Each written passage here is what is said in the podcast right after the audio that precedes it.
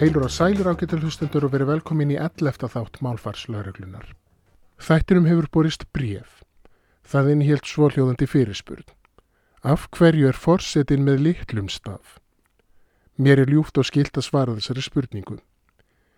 Í auglýsingum setningu íslenskra rítreglina, sem diggir hlustendur ætti vera farnir að kannast við, segir í grein nr. 1225.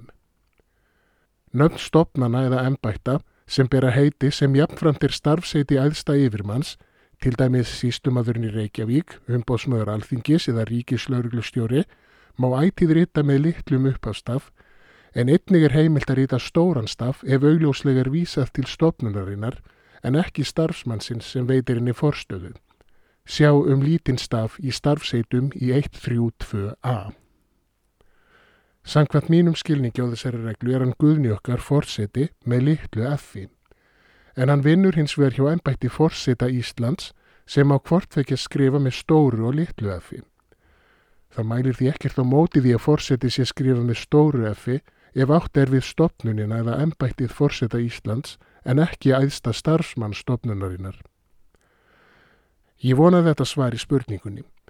Ég bendi einnig á ágætti svar á vísindavefnum við spurningunni eiga starfseiti sem hljóma eins og heiti stopnunar að vera með litlum eða stórum staf. Tengil í spurninguna má nálgast í gegnum 11. þátt af vefnum orðabókin.is. Frá því síðasti þáttur fór í loftið hefur verið rætt um stafrænan tungumáladauða. En hver er hann þessi stafræni tungumáladauði? Stafræn tungumáladauði er það þegar tungumál láta í minnipokan fyrir stafrænum samskiptum og tækni. Það er þegar þeim er lítið sem ekkert sint eða komið til mótsviðu til að þægt sé að nota þau í hennum stafræna heimi. Nú á tímum samfélagsmiðla, snjaltækja, sjálfvirkra aðstofarmanna og efnisveitna á borfið Netflix og YouTube er íslenskan í ákveðinni hættu.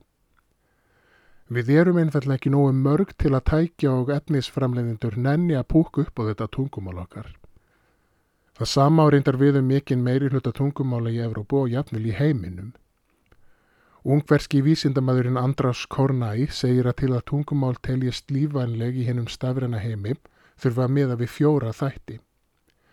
Í fyrsta lagi stærð samfélagsins sem notar tungumálið í stafrænum samskiptum Í öðru lagi virðing fyrir tungumálinu, það er hvort að málnótendum, sérstaklega af yngri kynstóðum, finnst viðegandi að nota það í stafrænum samskiptum sín á milli.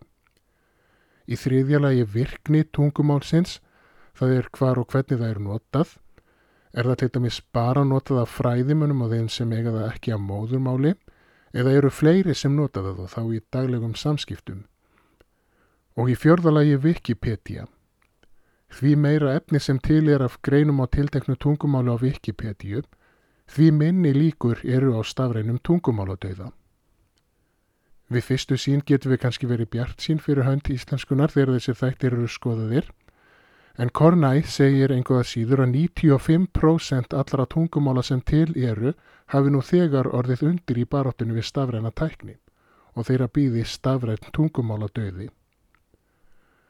Önnur rannsókn segir að 21 af 30 evrópskum tungumálum, þar á meðal íslenska, séu í útrýmingar hættu á stafrætni öld. Þetta þýðir kannski ekki að íslenskan muni hverfa, að minnst okkast ekki alveg í fyrirsjónleiri framtíð. Við munum halda áfram að tala og eiga samskipti á íslensku í raunheiminum, en ef ekkert verður aðgert mun hún verða undir í stafrænum samskiptum. Stafræn samskipti eru stór hluti af daglegu lífi okkar flestra, Þannig að það er eðlilegt að menn spyrji sig til hvers við séum eiginlega að læra íslensku fyrst við getum svo ekki nota þannig í stafræna heiminum. En hvað er hægt að gera til að koma í veg fyrir stafrænan tungumáladauða íslenskunar eða minnst okkar að hæja á honum? Líkilatriðið er að foreldrar verji meiri tíma með börnum sínum, tali meira við þau og lesi fyrir þau því að börn læri ekki tungumál með því einu að horfa myndbönd eða sjónvarp jafnvel þó að sé á íslensku. Og svo þarf að auka fjárstuðning við máltækni til að hægt verði til dæmis að búa til nýtæki sem enn geta rætt stýrt á sínu eigin tungumáli, það er ef það er annað en enska. Því að fæst tungumál eru nógu langt á vekk komin í þessari tækni til að það sé hægt. Nokkrum dögum áður en þessi þáttufrættekinu heyrði ég á tal nokkura úlinga sem voru að velta fyrir sér íslensku orði yfir orðið googla Það er að leita að einhver á netinu með Google leitarvélinni. Þetta samtal kveikt í mér smá vonar neista fyrir hönd íslenskunar í stafrænum heimi. Það er greinileg ekki öllum sama um málið. Hlustendur sem vilja lesa greinarnar sem ég vitnaði í geta fundið tengla í þær undir 11. þætti á vefnum orðabókin.is. Þar eru einnig tenglar í annað efni um stafrænan tungumáladauða. Þá að enga rétti og enga leifum.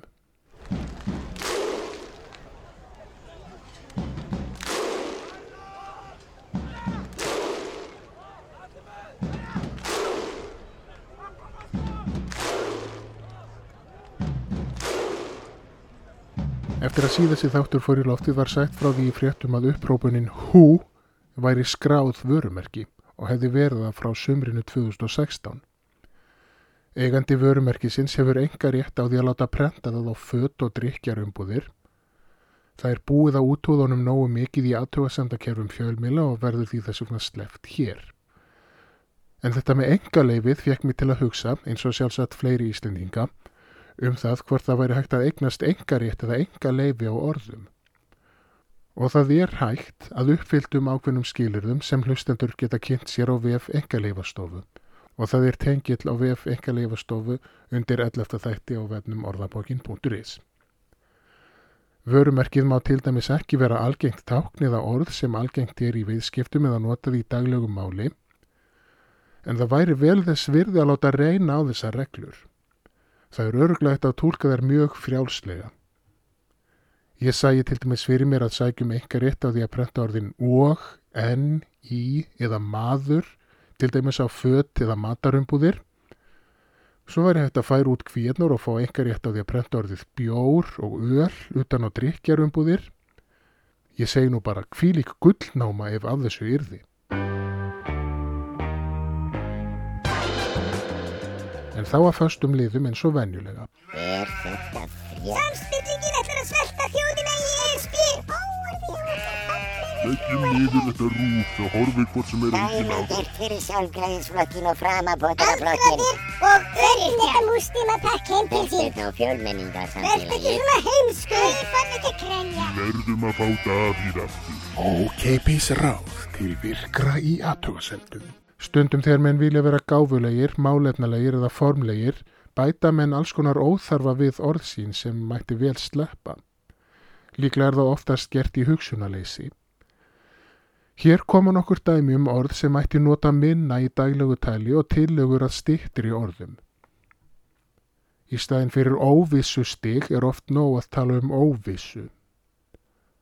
Stundum er sagt að einhvað gerist á ákveðnum tímapunkti Þessi tímapunktur er ofnotaður og honum má skipta út fyrir ímestægt annað.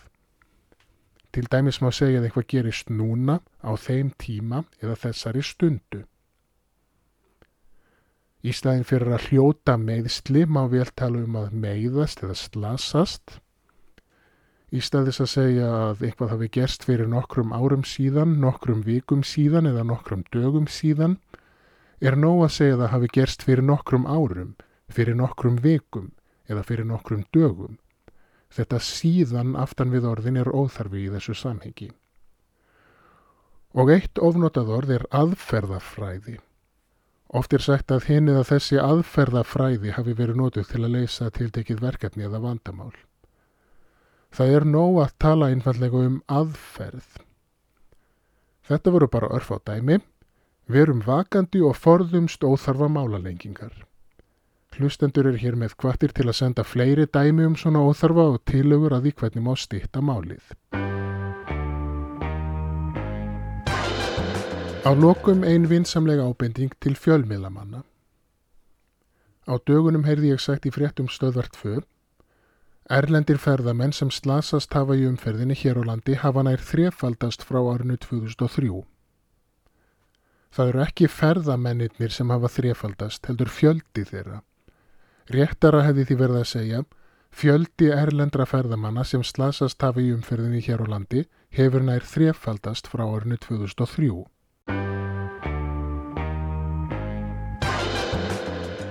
Þá er ekki fleira á dagskráið þessum þætti. Sem fyrr eru hlustendur kvartir til að senda aðtögasemdir, ábendingar, spurningar, rós eða kvartanir. Það er til dæmis hægt að gera með því að senda skilabóði gegnum vefinn eða með aðstóð Facebook eða Twitter en tenglar í samfélagsmiðlana eru aðgengilegir frá vefnum orðabókin.is. Þessum þetta er þá öllum lokið, verði sæl.